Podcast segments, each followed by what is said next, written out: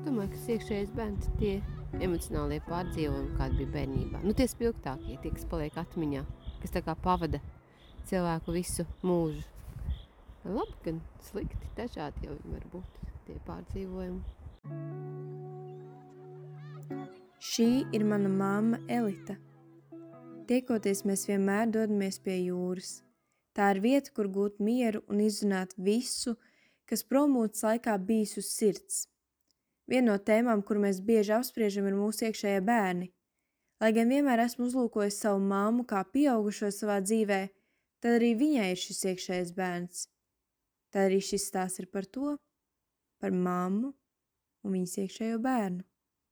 Mēs arī tik bieži ar tevi dodamies uz to jūru. Mūsu bērni ir priecīgi braucot uz to jūru, jo man asociējās jūra ar tādu ar tādu brīvību. Man tas nes tādu prieku, tā vieta, kas piepilda tik, tik labi, uzreiz tā sajūta, tik, nu, tik patīkami ir. Tāpēc, ka jūra man arī bijusi no pašas bērnības, māma vienmēr ved uz jūru.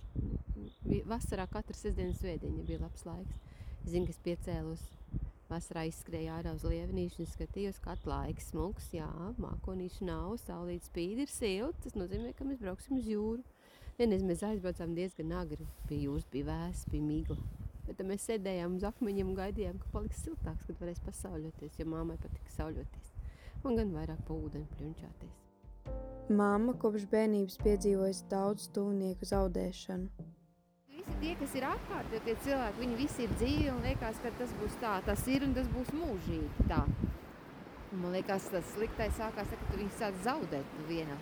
Tad, teiksim, tanti, onko, vectētiņa, vecmāmiņa, nekas jau nav mūžīgi, bet, kad tu piedzimsi, tev viņi visi ir apkārt. Kas ir iekšējais bērns? Par to pastāstīs kognitīvās terapijas speciāliste Līga Redliha. Mūsos ir dažādi iekšējie stāvokļi, jeb tādi, viņus to sauc arī par modām. Tie ir tādi psiholoģiskie noskaņojumi, kas mūsos mainās, un ir iekšējie pieaugušā stāvokļi, bērna stāvokļi, uh, un ir eh, stāvokļi, kurus mēs saucam par tādiem psihiskā aizsardzības mehānismiem. Un, kad mēs runājam par iekšējo bērnu, tad lielākoties mēs runājam par ievainoto bērnu, jeb eh, bezspēcīgo bērnu. Māma pēc 40 gadiem ir atgriezusies dzīvot savā dzimtajā pilsētā, no kuras aizbrauca 18 gadu vecumā. Kāda ir eh, tā tagadējā sajūta atgriežoties atpakaļ savā dzimtajā pilsētā un tur dzīvojot?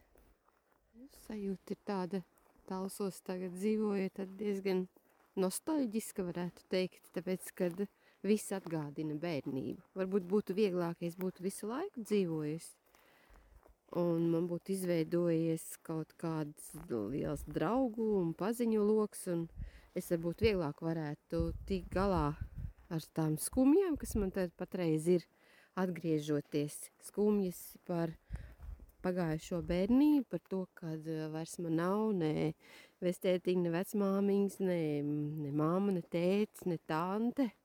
Un, teiksim, staigājot pa tām vecajām tāls ieliņām, reizēm liekas, kad man pretī nāk vai nu mana māma, vai mana tante.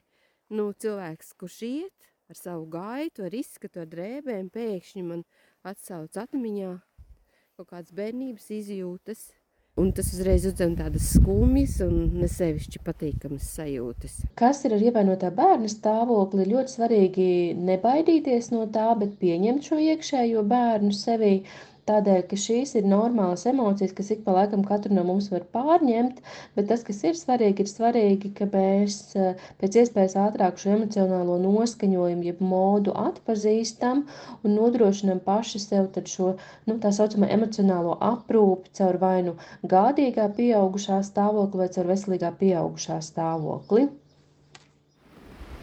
Jāpieņem laiks, kāds viņš ir tāds, viņš ir arī skaists arī, arī vecumā ir, ir skaisti. Es domāju, cik es varu atkal izbaudīt dzīvi, kad uh, bērni ir lieli.